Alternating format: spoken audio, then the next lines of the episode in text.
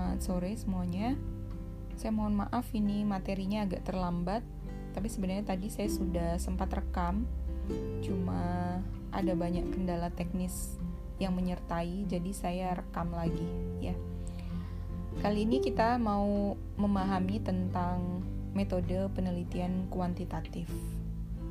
Metode ini ya, dimulainya dari mana? Terus alurnya itu gimana sih sebenarnya, prosedurnya gimana, dan juga cara menarik kesimpulannya itu seperti apa, ya. Saya akan ringkas saja, mudah-mudahan kalian bisa memahami. Kalau metode penelitian kuantitatif, kita memang berawal dari memilih masalah ya. Di mana-mana itu kita memang harus menentukan dulu masalah itu apa gitu masalah yang mau kita teliti itu apa. Nah, kita harus pilih dari sekian banyak masalah di fenomena sosial ini kita harus pilih. Dan penelitian kuantitatif itu masalahnya bertolak dari studi pendahuluan. Studi pendahuluan dari objek yang hendak kita teliti. Kita ingin meneliti kebijakan. Ternyata sudah ada studi tentang implementasi kebijakan kuliah online misalnya ini ya. Nah, itu adalah studi pendahuluan, itu adalah data awal gitu. Kita sudah ada gambaran tentang implementasi uh, kuliah online itu, sudah ada gambarannya.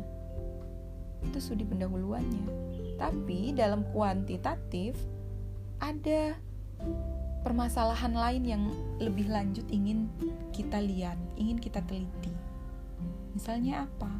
Apa sih sebenarnya gitu e, pengaruh dari implementasi kuliah online ini dengan prestasi mahasiswa? Tuh ya, itu sederhana aja, contoh sederhana. Jadi masalahnya itu betul-betul e, sudah pernah ada studi pendahuluannya.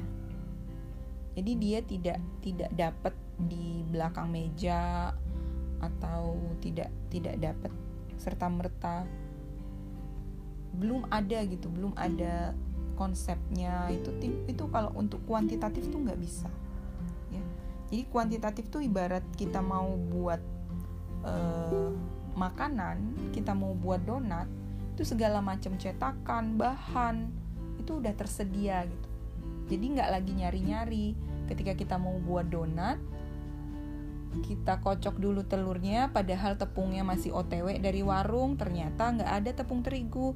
Diganti tepung sagu gitu tuh nggak bisa. Kuantitatif tuh nggak bisa. Kuantitatif tuh harus semua sudah ready. Telur tepung segala macam itu sudah ready. Bahan-bahan teori segala macam itu sudah ready.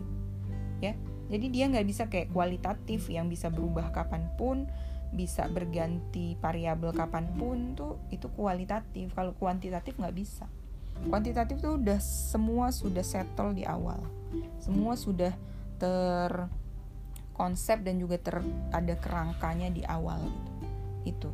itu ya jadi itu yang pertama dimulai dengan memilih masalah kemudian ada studi pendahuluan kalau belum ada kita yang melakukan studi pendahuluan kemudian yang ketiga itu kita rumuskan masalahnya ya. nah proses merumuskan masalah ini memang nggak gampang dalam penelitian, inti dari sebuah penelitian atau penelitian itu bisa dikatakan 70% selesai ketika kita berhasil merumuskan masalah itu dengan baik. Ya, ini perlu di, di perlu dijadikan pemahaman kalian banget bahwa proses merumuskan masalah itu adalah pekerjaan yang memakan separuh lebih dari penelitian. Kenapa saya katakan begini? Karena kalau nanti dosen pembimbing kalian mengatakan bahwa oh, ganti judul, ganti apa namanya teori, itu enggak bukan berarti kiamat ya. Kalau kayak gitu tuh bukan berarti kiamat terus kalian sedih berkepanjangan tujuh hari tujuh malam nggak keluar kamar gitu. Itu bukan bukan kiamat. Tapi kalau misalnya dosen pembimbing bilang ganti rumusan masalah, nah itu sudah kiamat artinya. kalau ganti rumusan masalah itu ganti semuanya kita mengamati ulang dari awal kita mencari masalah dari awal gitu apalagi kalau dia udah sampai kepada tahap seminar proposal, seminar hasil, ganti rumusan masalah, atau bahkan besok mau ujian kompres sekalipun, kalau dosen minta ganti rumusan masalah, ya berarti selesai. Berarti apa yang kita cari selama ini kalau harus diganti gitu loh. Ya, karena kita ini meneliti itu ingin menjawab rumusan masalah itu. Ya, makanya penting menentukan rumusan masalah ya merumuskan masalah ini adalah aspek penting paling krusial kalau mau penelitian ya tuh nah kalau sudah sudah meru, sudah berhasil merumuskan masalah jadi misalnya tadi bagaimana sih pengaruh ya pengaruh dari implementasi kebijakan kuliah online terhadap prestasi mahasiswa. Nah, itu itu sudah sudah terumus masalahnya. Jadi kita cuma ingin melihat pengaruhnya kuliah online terhadap prestasi mahasiswa atau pengaruhnya kuliah online terhadap uh, eh, IPK mahasiswa. Ada nggak sih pengaruhnya? Atau nggak ada sebenarnya pengaruh? Nggak ngaruh kok kuliah online sama IPK mau naik atau mau nurun? Nah, ketika kita punya asumsi atau punya jawaban sementara terhadap pertanyaan kita itu, rumusan masalah itu, ini namanya hipotesis. Jawaban sementara, dugaan sementara kita, ini namanya hipotesis. Bahwa kita menduga ada loh pengaruhnya kuliah online terhadap IPK, atau kita jawabnya, oh nggak ada kok pengaruh kuliah online terhadap IPK kalau yang namanya dugaan kita mengatakan ada, ini namanya hipotesis alternatif atau hipotesis HI namanya atau H1 istilahnya. Ada tulisannya H1 atau HI. Kalau kita menduga atau jawaban kita, oh nggak ada kok pengaruhnya antara kuliah online dengan IPK, nggak ada pengaruh Berarti ini dikatakan hipotesis nol atau HO istilahnya. Jadi ada dua hipotesis itu ya. Ada H0, ada H alternatif atau HI. Ya. Jadi eh, kita nggak jauh-jauh dari situ. Nah, sudah, sudah kita tentukan hipotesis. Oke, kita sudah menentukan masalah, sudah menentukan studi pendahuluan, sudah merumuskan masalah, kemudian kita merumuskan hipotesisnya, H0-nya apa, HI-nya apa, ya. Kemudian kita memilih pendekatan. Ya. Pendekatan kita mau uh, ini nih pakai apa sih sebenarnya? Uh, pakai apa namanya survei atau pakai metode eksperimen atau metode komparasi atau apa ya. Kalau cuma ingin melihat pengaruh itu ya sederhana aja bu. Survei aja nggak apa-apa. Kasihlah sebar ke semua mahasiswa ya. Itu kita tentuin aja dulu. Mau survei mau komparasi atau mau eksperimen atau mau apa ya terus kalau kita sudah menentukan e, pakai pendekatan yang mana ya kita menentukan variabel dan sumber datanya ya variabel itu apa sih bu gitu Variabel itu sebenarnya dia fenomena yang menjadi objek penelitian. Fenomena yang mana? Fenomena kuliah online itu. Fenomena tentang IPK mahasiswa itu fenomena gitu. Jadi variabel itu adalah dua hal itu, dua hal yang ingin kita cari itu. Kalau yang di awal biasanya dikatakan variabel X mempengaruhi variabel Y. Variabel X-nya itu adalah kuliah online, variabel Y-nya itu adalah IPK. Gitu ya atau istilahnya variabel bebas, variabel terikat, variabel independen, variabel apa namanya? random, variabel aktif, variabel atribut itu banyak ya. Di materi kalian bisa baca pembagian dari masing-masing variabel itu. Kemudian eh, variabel itu juga kita tentukan ukurannya. Kalau kemarin saya sudah bahas tentang eh, didefinisikan dulu masalahnya eh didefinisikan dulu senjata itu apa. Kalau contoh kasus kemarin ya senjata adalah benda tumpul atau benda tajam yang dapat membunuh manusia.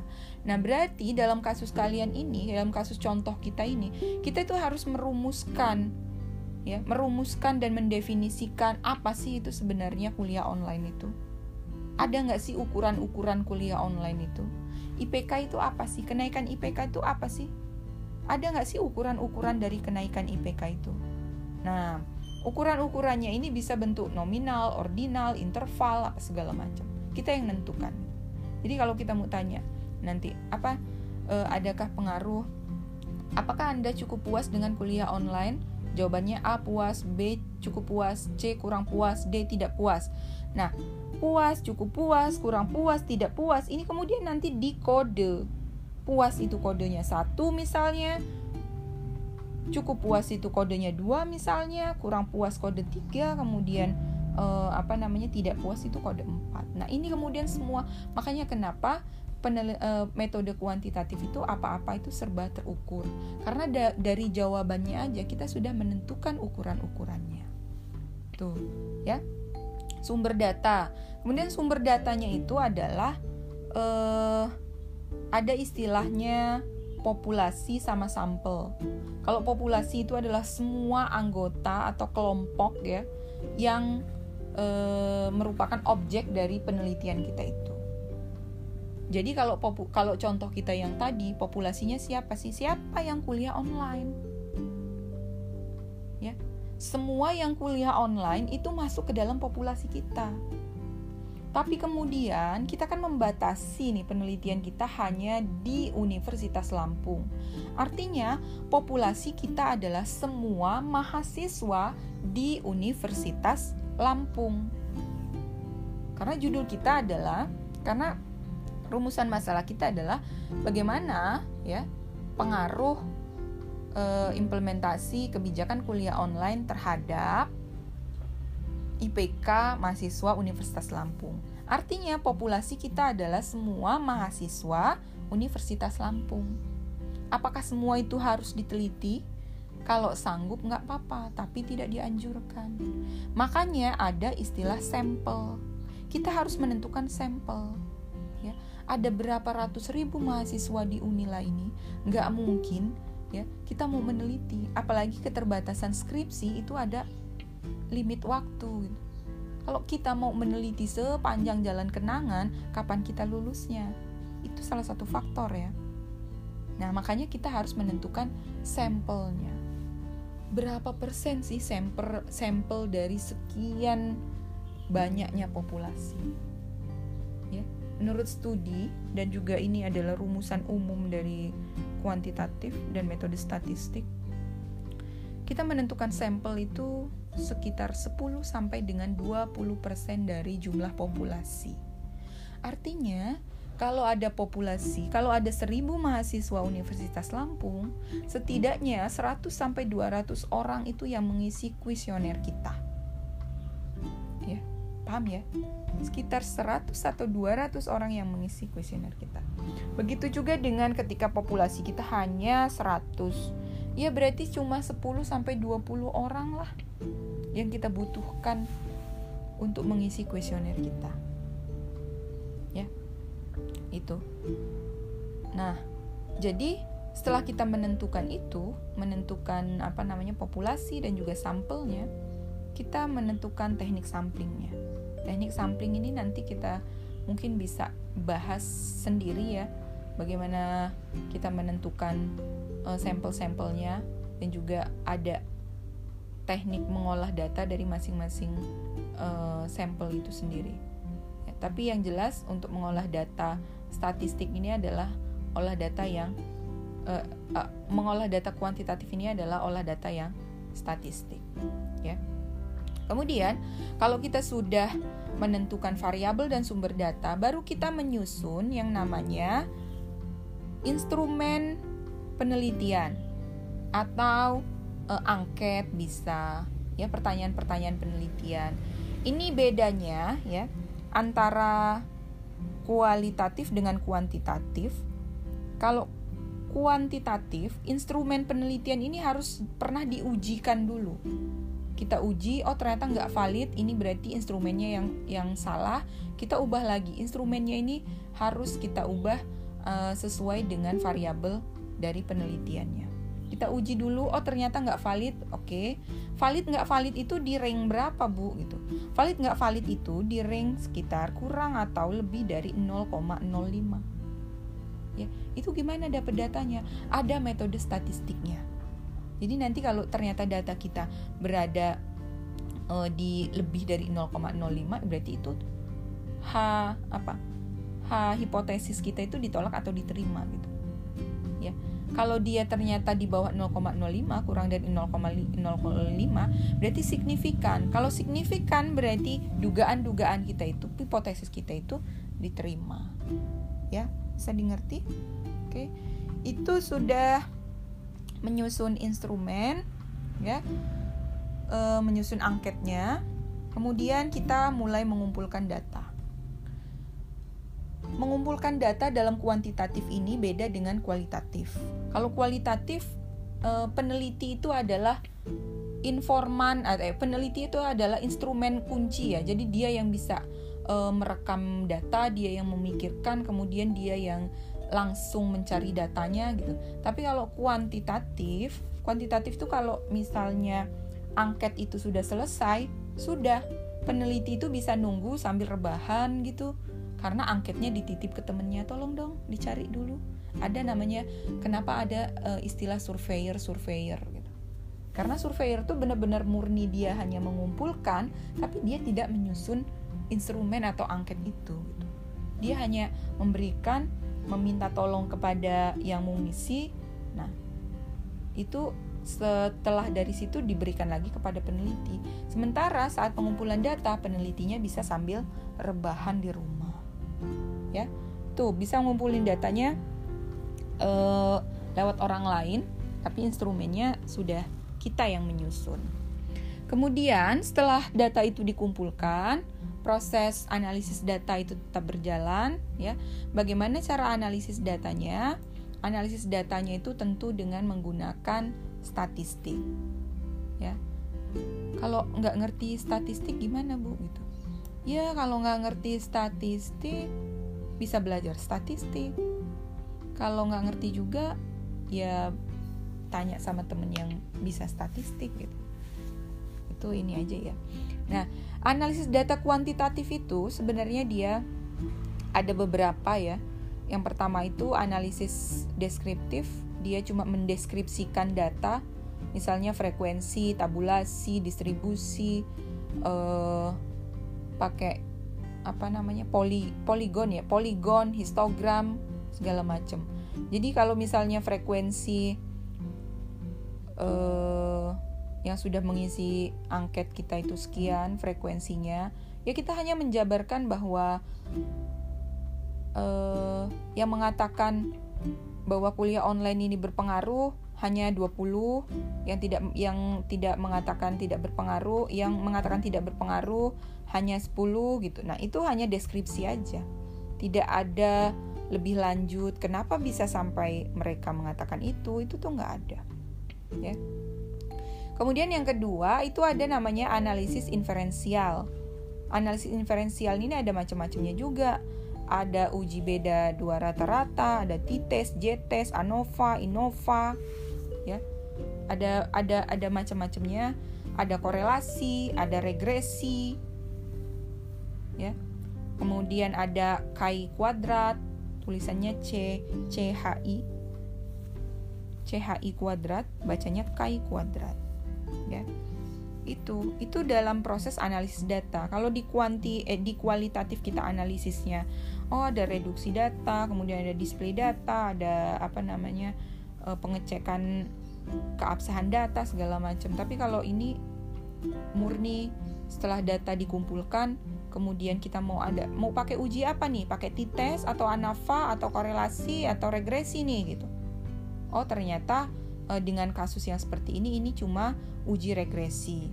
Dengan contoh apa namanya tentang contoh yang kita tadi bahwa adakah pengaruh atau uh, tidak antara kuliah online dengan IPK yaitu hanya uji statistik yang menguji ada atau tidaknya uh, pengaruh atau uh, ada atau tidaknya kontribusi antara uh, variabel bebas, variabel uh, x dan y atau seperti apa. Nah, ini bisa hanya dengan uji regresi. Ya, uji regresi sederhana atau uji regresi ganda. Sederhana yang kayak mana? Ya, sederhana karena uh, variabelnya hanya berapa? Dua misalnya ya. Kalau uji regresi ganda itu ketika variabelnya itu banyak. Ketika uh, apa namanya? variabel itu yang tadi kuliah online dengan IPK bisa jadi itu cuma dua variabel ya x dengan y. Kalau misalnya ketambahan satu variabel lagi variabel z kuliah online dengan IPK dengan prestasi. Atau dengan apa lagi? Dengan uh, minat mahasiswa untuk untuk apa namanya kembali kuliah gitu misalnya ya. Itu tergantung dari karakteristik variabel yang sudah kita tentukan tadi. Kemudian eh, bagaimana proses hasil analisisnya ini?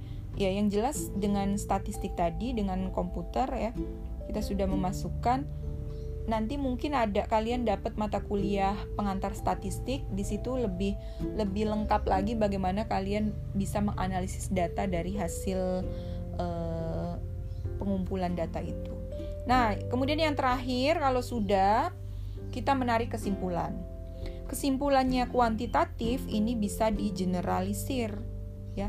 Kita neliti di Lampung tapi kita bisa mengatakan bahwa e, di Papua juga seperti itu. Bahwa kuliah online di Papua ternyata tidak berpengaruh pada naik atau tidaknya IPK nah kok bisa kayak gitu bu? Itulah itulah hasil dari e, sistem penarikan kesimpulan e, metode kuantitatif. Jadi dia karena masalahnya itu adalah general ya yang umum gitu. Dan e, kesimpulannya juga bisa jadi umum. Beda dengan kualitatif. Karena masalah kualitatif itu khas unik cuma ada di satu e, tempat itu aja kita tidak bisa mengeneralisir bahwa e, di tempat lain juga sama seperti itu karena dipengaruhi berbagai karakteristik dan juga faktor-faktor yang lainnya. Tapi kalau kuantitatif, ketika kita meneliti yang seperti ini, pengaruh dari implementasi kuliah daring dengan IPK, oh ternyata tidak ada pengaruh dan ini bisa diklaim di Papua sana bisa, bisa diklaim di Bali sana bisa gitu loh. Oh di ma mahasiswa di Bali juga ternyata berdasarkan hasil studi di Lampung seperti ini ya berarti bisa bisa diklaim juga seperti itulah yang namanya uh, yang dinamakan dengan generalisasi kesimpulan ya. Nah uh, kemudian dari semua ini ya kita buatkan laporannya itu tadi alurnya aja kita buatkan laporannya dan laporan itu tidak apa ya tidak melulu harus uh, sesuai dengan aturan yang seperti ini. Karena pelaporan itu sebenarnya sesuai dengan standar dari apa instansi yang kita uh, apa namanya yang kita ikuti gitu. Kalau kayak mahasiswa ya berarti kita sesuai dengan standar penulisan ilmiah yang ada di Universitas Lampung. Itu terkait laporannya aja. Oke. Itu tadi uh, pembahasan umum tentang metode kuantitatif. Mungkin kalau ada pertanyaan nanti bisa dituliskan di kolom komentar. Kalau tidak ada, saya minta kepada kalian untuk membuat ya semacam apa ya alur dari yang saya ceritakan ini. Mulai dari mana sih sebenarnya proses uh, penelitian kuantitatif itu ya saya sudah katakan bahwa prosesnya ada setidaknya lebih ya dari 10 ya. Ada memilih masalah kemudian melakukan studi pendahuluan kemudian merumuskan masalah rancangan penelitian kita. Setelah merumuskan masalah itu merumuskan hipotesis ya atau anggapan dasar kemudian memilih pendekatan mau survei atau mau komparasi atau mau apa Setelah memilih pendekatan, kita menentukan variabel, batasan-batasan variabel, merumuskan variabel, dan juga sumber datanya. Selanjutnya kita menentukan dan juga menyusun instrumen untuk uh, apa namanya istilahnya angketnya kita nyusun angket, kemudian mengujinya juga, dan selanjutnya kita melakukan pengumpulan data, ya. Setelah data terkumpul, kemudian tahapan penganalisis eh, data setelah menganalisis data, kemudian kita menarik kesimpulan. Oke, setidaknya itu prosedur dari penelitian kuantitatif. Untuk lebih lanjutnya, silahkan kita buka sesi diskusi. Terima kasih. Wassalamualaikum warahmatullahi wabarakatuh.